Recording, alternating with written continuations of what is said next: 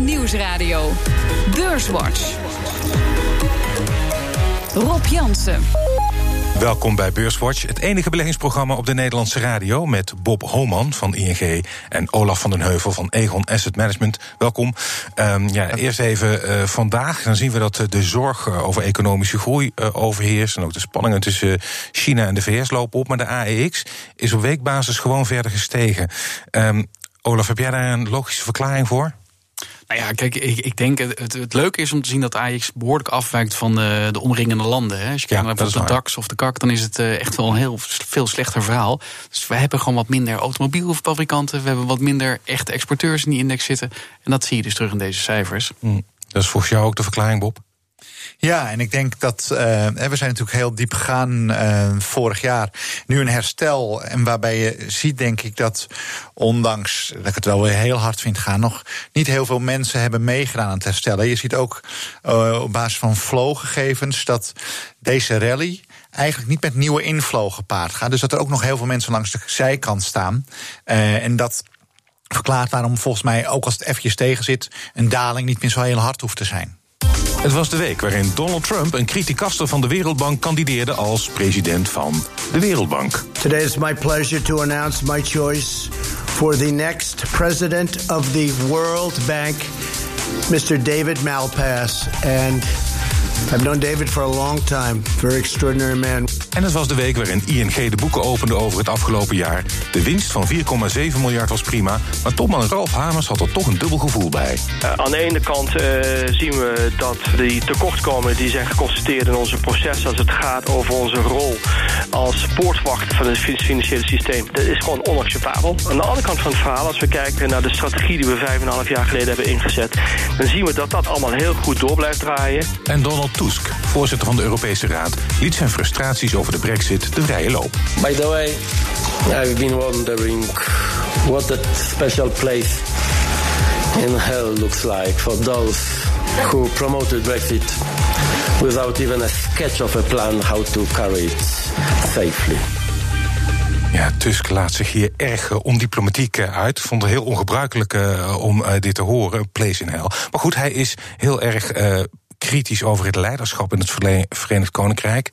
Theresa May is nog maar eens afgereisd uh, naar Brussel in de hoop er een betere deal uit te slepen voor de Britten. Nou, de EU lijkt geen duimbreed toe te geven. Um, Olaf, met de naderende deadline, durf jij te voorspellen waar het naartoe gaat? Ik heb het idee dat steeds meer bedrijven echt op die no-deal uh. Ja, dat klopt denk ik al. Ja, je moet je erop voorbereiden. Je hebt, je hebt geen keuze. Ik denk dat heel veel bedrijven dat doen. Uh, toch hebben natuurlijk de recente onderzoeken laten zien dat het best wel wat bedrijven zijn die dat niet hebben gedaan. Ja. Kijk, persoonlijk heb ik zoiets van. Uh, echt een no-deal kan ik me bijna niet voorstellen. Je ziet al dat uh, Labour een beetje aan het verschuiven is, wat meer naar een zachtere Brexit. Als die de Tories kunnen vinden die wel willen meewerken, dan kom je toch, denk ik, richting een deal. Uh, basisscenario was voor mij altijd al dat we waarschijnlijk toch een beetje een kick the can down the road scenario krijgen. Dus een mm. beetje uitstel, dan weer een beetje afstel, dan kopen we weer wat tijd met iets anders. En zo rommel je langzaam door. Uh, maar het blijft een, een heel groot issue. En het is ook, uh, denk ik, ontstellend om te zien hoeveel verdeling het binnen het Verenigd Koninkrijk oproept. Ja. En daarom is zo'n uitspraak van Tusk, denk ik, ook echt niet handig. Hij deed het ja. eerst zo goed door aardig te blijven en te zeggen van kom alsjeblieft terug. Ja. En nu zo'n verdeling waar het er al. Dat is niet handig. Nee. Uh, ja, je zegt uh, kicking the can down the road. Als, ik weet niet of jij er ook vanuit gaat, Bob, maar dan houden we wel heel lang weer onzekerheid. Ja, ik denk dat er inderdaad uitstel uh, komt. En um, misschien uiteindelijk wel afstel. Hè. Um, dat zou mij zeker niet, uh, niet verbazen. En ik denk dat de markt daar ook op rekent. Hè. Dus als er wel een harde brexit komt, gaat dat de markt enorm tegenvallen. Terwijl het als het, nou ja, met wat uitstel eindigt, en misschien zelfs met afstellen of een hele milde variant, zal de markt denk ik niet enorm positief op reageren. Ja, misschien doet gaat het pond wat doen. Hè, en, uh, maar ik denk dat de Europese markten dan weinig doen. Dus de risico's liggen echt naar beneden. Maar tegelijkertijd, het is zo onduidelijk. Je kunt er op dit moment als belegger denk ik helemaal niks mee. Dus wij negeren het eigenlijk ook. Ja, nou ja, aan de andere kant zie je eigenlijk dat door dit gebrek aan leiderschap. Want daar heeft Toes natuurlijk wel een beetje gelijk in. Het, het is een hoop gehannes in het Verenigd Koninkrijk. De schade lijkt nu. Nissan bijvoorbeeld gaat toch de productie van een bepaald model naar Japan terughalen. Met name in de auto-industrie zijn de zorgen heel groot. Dus de schade is er eigenlijk nu al, Olaf. Ja, voor het VK. Ja, de groei is nu naar beneden bijgesteld. Maar ik denk dat Mark Carney, de Bank of England president, die gaf ook aan van ik schrik s'nachts steeds vaker wakker. En ik denk dat hij daar gelijk in heeft. Dit, doet echt heel veel pijn. Want juist in de plekken waar de armoede al best wel groot is in het VK, daar zie je nu dat de werkgelegenheid geraakt gaat worden. Ja, het is niet goed. Het is gewoon niet goed. Niet voor Europa, niet voor de rest van Europa, niet voor het VK. Ja. Maar je zei Bob, ik, jij doet er verder niks mee. Je, je bereidt je daar niet op een bepaalde manier op voor of, of Nee, nee, ik denk dat je er niet, niets mee, mee kunt. Uh, want het, het is een, een, een binair scenario. Hè? Dus hmm. het is niet dat het een, een beetje uh, heftig gaat eindigen als er een, een hard brexit is. Maar dan is het echt een, een klap. Ja, dan zou je nu dus niet in de markt moeten zitten of veel minder in de markt. Ja, uh, terwijl die, de rest van de wereld er nou ja, daar kan je over twisten, maar niet heel beroerd uitziet. Ziet. En dan mis je dus ook een, een, enorm stuk. Dat kan ook niet. Dus dan, dan maar negeren als je het echt, echt niet weet. Ja, gaat dat ook voor jou, Olaf? Ja, kijk, er gaat heel veel werk in zitten. Hè, om contacten om te zetten, zodat je met de goede handelspartners uh, aan het handelen bent. Maar er echt op beleggen, dat is lastig. Dus je ziet dat heel veel mensen niet echt een positie innemen op het Britse pond, op de Britse aandelen. Iedereen is daar voorzichtig mee. Ja. Um, nou, die Britten die mogen zorgen hebben, maar ook in de eurozone. Ik, ik ben graag van, uh, van het goede nieuws, maar het loopt hier ook niet uh, echt op rolletjes. Althans, Italië zit in een recessie. Duitsland gaat niet lekker. De Nederlandse industrie is teruggelopen, bleek uh, vandaag. Um, ja, de Europese Commissie heeft de groeiverwachtingen uh, naar beneden bijgesteld. Uh, en ook flink, met name voor Nederland en Duitsland. Mm, Olaf, ben je net zo somber als de Europese Commissie over die groei? Vind je dit terecht of denk je van nou, ze zijn te somber, het zal wel meevallen? Nee, ik denk dat de groei wel echt wat aan het afvlakken is. Maar je moet het wel in perspectief plaatsen. We hebben een paar jaar van hele hoge groei gehad. Zeker als je het uh, je afzet tegen de demografie. Hoe, hoe, de bevolking, de beroepsbevolking in Duitsland krimpt. Ja. Dus eigenlijk op lange termijn zou je verwachten dat die groei misschien wel heel dicht bij nul ligt. Ja. Alles wat erboven zit is nog steeds heel veel. En is eigenlijk nog steeds boven trend. Dus ik denk het gaat minder goed, maar het ging heel goed. En wat dat betreft is, is zo'n pas op de plaats helemaal niet erg. Ik denk ook dat de groei in Duitsland eigenlijk in de tweede helft van het jaar alweer gaat aantrekken. Er zit wat fiscale impuls aan te komen. En ook de industrie daar zal denk ik toch wel wat kunnen herstellen weer. Ja, zie je dat ook zo, Bob? Ja, want inderdaad, de afgelopen twee kwartalen was het nou, ronde nul, zeg maar. Hè. Ja. Uh, dat zal dit kwartaal ook nog wel zijn. En ja, de structurele groeivoet ligt inderdaad vrij laag. Hè, misschien nou, maximaal een procentje. Ja, dan heb je ook periodes dat het een tijdje onder nul zit. Um, en ik denk de eerste keer dat je wat, wat, wat langer onder de nul zit, is dat echt schrikken. Maar ik denk dat als we over vijf jaar terugkijken, ja, dan zijn we gewend aan dat lage groeipad. En uh, daar kijkt niemand daar meer van op. Maar nu kom je van een hoog niveau, val je naar een duidelijk laag niveau. En dan is dat eventjes schrikken. Ja, het is wel opmerkelijk dat bijvoorbeeld Amerika het echt wel als je kijkt naar groeicijfers, behoorlijk goed blijft doen. Hè? Ja, ja maar, dat is ook afnemen. Zegt, weet je, die hebben dan nog een positievere bevolkingsgroei. Dus het, ja, het, het, ligt net wat hoger. Maar ook daar gaat het minder worden. Uh, het VK en Frankrijk, die hebben nog echt een positieve bevolkingsgroei in Europa. En Frankrijk ziet de groei er ook nog oké okay uit. Dat viel mee, hè? Ja. Dus uh, Um, ja, we hebben het net al gehad over Italië in een recessie. Um, een regering die eigenlijk het tegenovergestelde eh, doet van wat we in Nederland zouden doen. Ze laten het begrotingstekort graag eh, oplopen. Um, wat betekent die houding voor de andere landen in de eurozone? Hoe moeten die zich opstellen met dit probleem, Bob? Nou ja, misschien eerst over de markt. Uh, Italië haalde van de week ook op. Hè. Ja, heel veel. Uh, geld voor, voor 30 jaar. Ze hadden 8 miljard nodig. Er werd voor 41 miljard ingeschreven. Ja. Op een effectieve rente van 3,8 procent. Ik zou het niet aandurven voor 30 jaar. Maar goed, uh, de eerste paar jaar misschien wel. Hè. Dan vang je inderdaad 3,8 procent. En dat is nou ja, 3,8 procent meer dan dat je in Duitsland vangt. Ehm dus uh, er is nog wel animo. En, je vraag was, wat moeten andere... Ja, nou ja, je hebt, je hebt in, in Europa uh, een land dat eigenlijk ja, buiten de lijnen tekent. Nou ja, ze, ze hebben nu een, een, een begrotingsplan wat ongeveer klopt. Hè? Uh, ik moet aan het eind van het jaar zien inderdaad of dat gelukt is. Maar vooralsnog lijkt Europa zich rustig te houden. Maar mm. dit is wel een probleem wat een keer echt echt uitgespeeld gaat, uh, gaat worden. Mm. want met, met 130% schuld, uh, zonder terugbetalingskracht. Hè, want in Italië krimpt de bevolking echt. Ja, moet je een hele hoge schuld die je hebt opgebouwd met een groeiende bevolking, met minder mensen terug gaan betalen. Ja, dat lukt niet. Mm. dus er komen problemen. Heb maar niet dit jaar. Ja. Olaf, mee eens? Ja, ja, zeker. Nou, kijk, weet je, het is. Het is een Europees probleem. En uh, we kunnen wel zeggen van Italië moet het oplossen, maar dat, dat kan gewoon niet meer. De, Bob heeft helemaal gelijk. Dat, ze kunnen het niet oplossen. Uit dit gat kom je niet. Dus je moet echt een soort fiscale transfer in, in Europa krijgen. Dat, dat we zeggen, nou, we gaan ze ondersteunen. En ondertussen komen er structurele hervormingen. Uh, anders kom je er gewoon niet. En dat is nog wel even uit het zicht. Dus ik denk dat we nog wel een paar keer op en neer hobbelen en een tikje krijgen in Italië.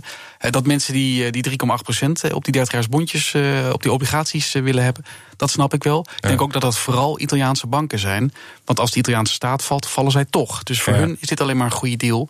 En inderdaad een veel betere belegging dan die, die half procent, 0,65% op Duitse obligaties, 30 jaar. Ja, en je kan, je, ook dit is bijna binair. Europa moet een keuze maken of het moet verder uit elkaar. Hè? Ja. Of, nou ja, stel je voor, Duitsland en Italië gaan fuseren dan is er niks aan de hand. Dan is het, de, de een het tekort is de ander overschot. Dan is het, is het vlak. Dus als Europa meer één wordt, dan gaan we met transfers, eh, zoals Olaf zegt, dan gaat het allemaal wel lukken. Nou, dat is waarschijnlijk waar die beleggers in Italië, Italiaanse 30-jarige obligaties mm. op, uh, op voorsorteren. Mm, het, het leuke is natuurlijk wel hoe sneller dat gebeurt, hoe goedkoper het is. Hè? Als we wachten tot er weer een nieuwe crisis komt, dan ja, gaat het heel duur worden. Als je nu zegt van nou, we gaan allemaal samen delen, dan komt er ook geen crisis. Ligt, ligt politiek nog wel even. Ja, zeker. Ja, de politiek beweegt eigenlijk een beetje de andere kant op. Ja, dat lijkt me, lijkt me lastig. Eh, maar goed, we, we gaan het zien. Zometeen praten we verder over de beurs en economie. Onder andere over de cijfers van ING en TomTom. BNR Nieuwsradio. BNR Beurswatch. We bespreken de belangrijkste beursontwikkelingen van deze week. En dat doe ik met Bob Homan van ING en Olaf van de Heuvel van Egon Asset Management. Eerst maken we even de balans op van afgelopen week. De AEX die sloot op bijna 528 punten. Dat is 0,9% hoger dan vorige week. Stijgers. De drie grootste stijgers deze week. Op 1 Signify met een plus van 6,2% Op 2 ING met een plus van 4% En op 3 Unilever kreeg er 2,7% bij. En het midcap aandeel dat het best presteerde deze week was Intertrust met een plus van 4,4 procent. Dalers. Op 1 ArcelorMittal verloor 7,9 procent deze week. Op 2 vastgoedfonds Unibar Rodamco Westfield met een min van 3,1 procent. En op 3 Egon met een min van 2,1 procent. In de midcap was de grootste daler deze week TomTom met een verlies van 9,6 procent. En AX is deze week drie van de vijf handelsdagen hoger gesloten. Ja, bij mijn gasten is TomTom vaak niet een geliefd onderwerp. Maar ik weet dat particuliere beleggers op fora TomTom altijd graag uh, bespreken. Voerde de winst op, bleek uh, deze week. Meer dan waar analisten op hadden gerekend. Voor de vooruitzichten was het bedrijf juist weer heel erg voorzichtig. Bob, wat vond jij van die cijfers? Ja, ja die cijfers waren denk ik best wel aardig. Hè, maar we moeten denk ik niet vergeten... omzet en winst nemen iedere keer wel iets af. Hè. En ook nu, hè, telematics gaat eruit. Um, ook van het bestaande stuk wat overblijft ja, gaat de omzetverwachting voor het komende jaar is gewoon weer lager. En je winst, dan gaat de marge misschien iets omhoog. Maar uiteindelijk gaat je winst dan ook wel naar beneden. Het is denk ik de vraag, hè, ze hebben nog geld over. Want ze keren een deel aan aandeelhouders uit hè, van die verkoop van telematics. Wat ze daarmee gaan doen. Kunnen ze dat investeren in iets wat wel weer groeit? En wat natuurlijk de fantasie is. Um, de, de eigenaren of de, de grote aandeelhouders zijn best rijk. Halen die het een keer? Misschien van de beurs. Hè? Dat is natuurlijk ook altijd de fantasie. Ja, of ja, want, ja, dat zou kunnen. Er is ook altijd nog de vraag: Olaf, gaat, gaan zij het afleggen tegen andere grote spelers zoals hier? Dat is eigenlijk de kaartenmaker van de Duitse autofabrikanten. Google is uh, actief. Hoe zie jij die, die positie van TomTom Tom ten opzichte van die grote spelers? Ja, het is een beetje een lastige positie. Hè. Er is wel nieuwe fantasie. Er is denk ik ook ruimte voor nieuwe fantasie eh, in, in het aandeel. Ja. Maar het gaat allemaal om samenwerkingsverbanden. En als jij niet de goede links hebt gelegd, dan is, dan is het heel lastig. Dus ik, ik denk dat het een moeilijk verhaal wordt. Uh, maar er is wel wat ruimte voor fantasie. Ja. En jij zei, uh, de oprichters kunnen het van de beurs halen. Het zou ook nog overgenomen kunnen worden. Of zie je die kansen niet zo groot? Nou ja, ik denk dat een aantal... Um, concurrenten, neem Heer of uh, Google, ja. ja. die hebben zelf ook zulke goede kaarten ze hebben het eigenlijk niet meer nodig. Ehm, ze hebben het niet, nee, misschien om een concurrent uit te schakelen. Ehm, maar verder denk ik niet. Ja.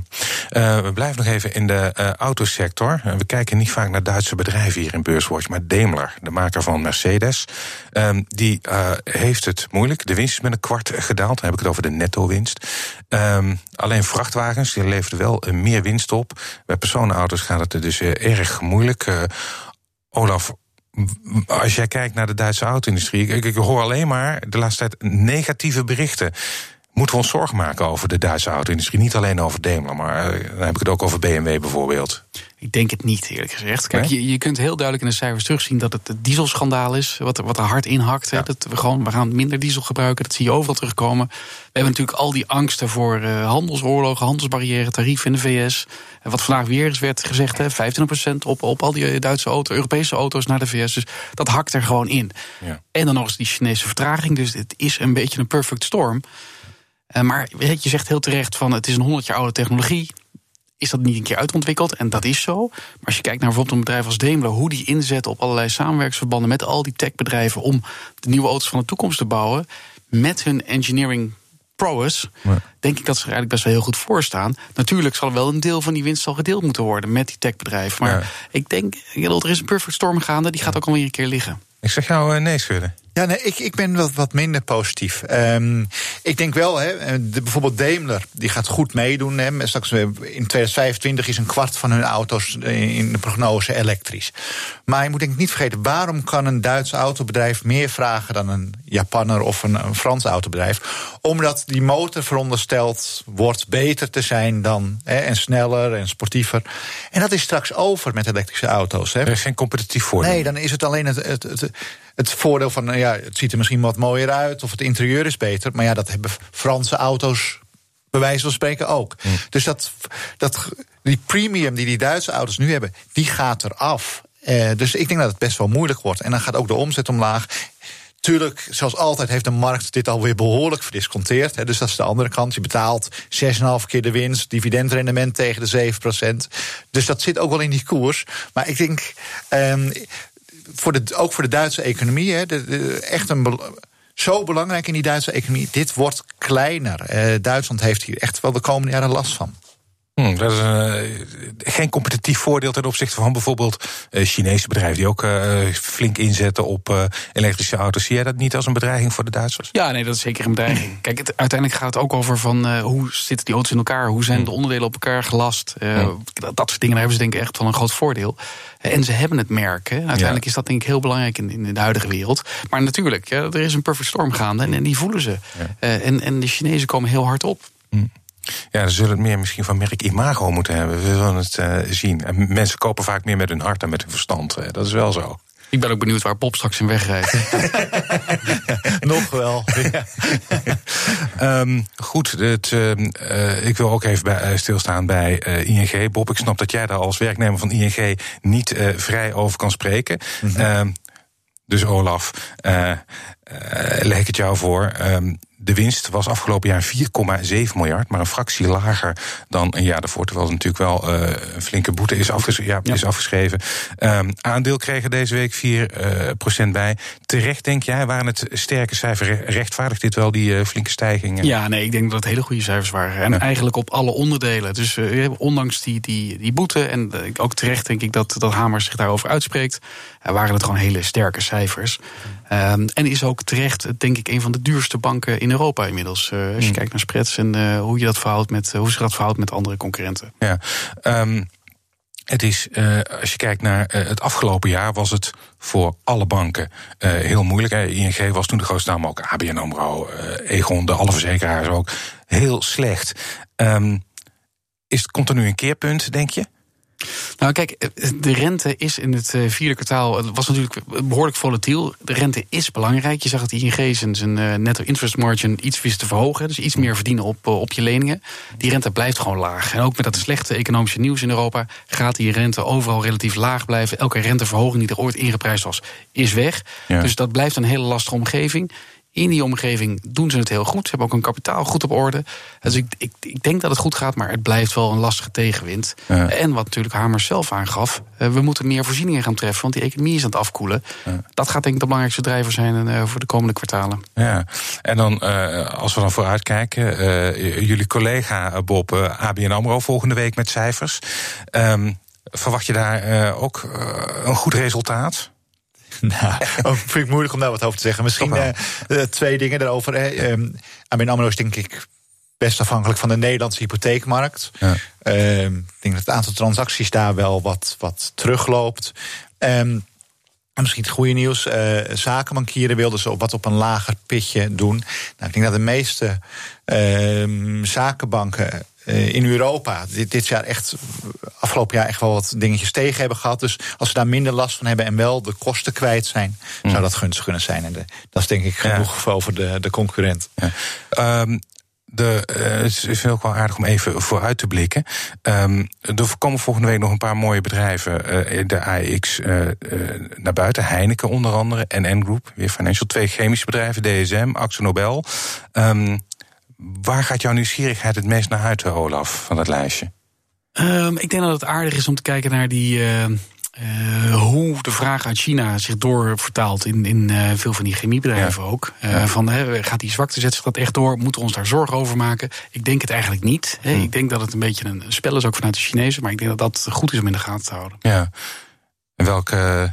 Ja, DSM zou ik dan wel, hè, want uh, groeit heel snel. Hè. Uh, ja. de, de, winst stijgt iedere keer met, met 25% of iets dergelijks. Zit ook nog voor een stuk in de auto-industrie, waar ze aan, uh, aan leveren.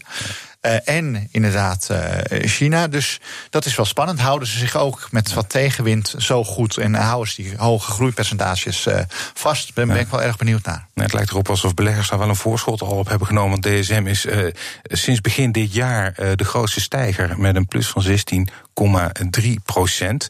Um, als je nou kijkt naar, we hebben dus, er komen dus leuke bedrijven, maar het merendeel is al geweest. als je nou het veld overziet, uh, de laatste cijfers tot nu toe. Wat vind je ervan, uh, Olaf? Ben je positief gestemd? Valt het mee? Valt het tegen? Uh, het begon heel slecht en het wordt iets beter. Mm. dat, dat is wat mij betreft de samenvatting. Over het algemeen zijn de, de, meeste cijfers stelden teleur eigenlijk. Mm. Langzaam is er nu bijgekomen en zie je dat er een beetje een balans ontstaat... dat er iets meer bedrijven positief verrassen. Mm. Um, we hebben denk ik een heel slecht kwartaal gehad in het vierde kwartaal, vooral december, november. En dat bounce gewoon heel erg terug. En mensen kijken een beetje door die cijfers heen, denk ik. Uh, en focussen op van, ja, oké, wat betekent het voor de groei in Europa? Ja. Uh, meer dan dat we echt die uh, koersen zien reageren op cijfers. Ja, ja. ja, dat is zo bijzonder. Hè? Ook bedrijven waarvan die enorm afgestraft waren. Cijfers vielen eigenlijk ook nog tegen. Stijgen dan toch met procenten tegelijk, omdat er zoveel slecht nieuws al, uh, al in zat. Dat is de andere kant. Dat is volgens mij ook wel weer over. Hè. Dat heb je nu wel gehad. Je hebt een, best wel een herstelrally van misschien wel. Nou ja, kijk naar de AX, een procent of 15, misschien wel vanaf het dieptepunt. Geldt voor ja. Amerika, denk ik ook. Um, ja, dan is dat effect wel weg. Hmm. Um, dus en, wat dat betreft is er misschien niet zoveel rek meer in. Uh. Nou, kijk, eh, voor MSCI World, hè, dat is dat wat anders dan de AX, hadden wij als koersdoel dit jaar 500. Ja. ja je staat nu weer 4. 95, denk ik. Ja, ja. Daar zit er overigens nog wel, komt er nog dividend bij. Hè? Dus um, ja, dat betekent wel ja, dan, dan zit je er zo'n beetje. En dan ben je ook wel weer eens gevoelig, denk ik. Niet dat onze verwachting altijd uitkomt, hoor, maar ook wel eens gevoelig dat het weer wat terugvalt. En ja, eh, dat vind ik van de afgelopen ma twee maanden zo. Nu lijkt het weer alsof het alleen maar omhoog gaat. Dat is natuurlijk ook onzin. Nee. Toch, uh, we zijn aan het uh, einde van dit programma uh, gekomen. Dus dan vraag ik jullie een tip. Hè, waar kunnen beleggers in stappen? Iets waar ze, wat misschien nog wel de komende periode omhoog gaat, Olaf. Wat, zou jij, uh, wat is jouw tip voor de ja, luisteraar? Ik heb even rondgevraagd op de vloer vandaag. En uh, Aalberts uh, werd wel gezien als aantrekkelijk. Want je gewoon een goed bedrijf en relatief aantrekkelijk gewaardeerd. Hm. dus dat werd wel gezien als iets interessants. Aalberts Industries. Ja, ik kom met een Amerikaans bedrijf, CVS Caremark. Als mensen die in Amerika gehoord. geweest zijn, die kennen het. Want het zit op heel veel straathoeken. Een, een grote apotheekketen hebben ja. ook een verzekeraar laatst gekocht.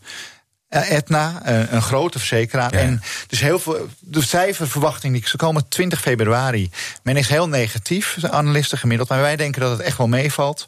Want uh, het gaat in Amerika economisch goed. Dus veel mensen kunnen zich verzekeren bij de verzekeringsmaatschappij. En er worden veel recepten uitgeschreven. Ja. Uh, dat, die daar toch wat economisch afhankelijker zijn dan hier. En het zit in een sector die als defensief wordt, uh, wordt gezien. En dan zijn ze niet afhankelijk van die medicijnprijzen. Dus ja, eh, CVS Caremark. Oké, okay, CVS en Alberts Industries. Hartelijk dank, Bob Homan van ING en Olaf van den Heuvel van Egon Asset Management. Dit was BNR Beurswatch. Als u wilt reageren, dan kunt u een mail sturen naar beurswatch.bnr.nl of tweeten naar Rob Terugluisteren kan via de site, de app, iTunes of Spotify. En graag tot volgende week.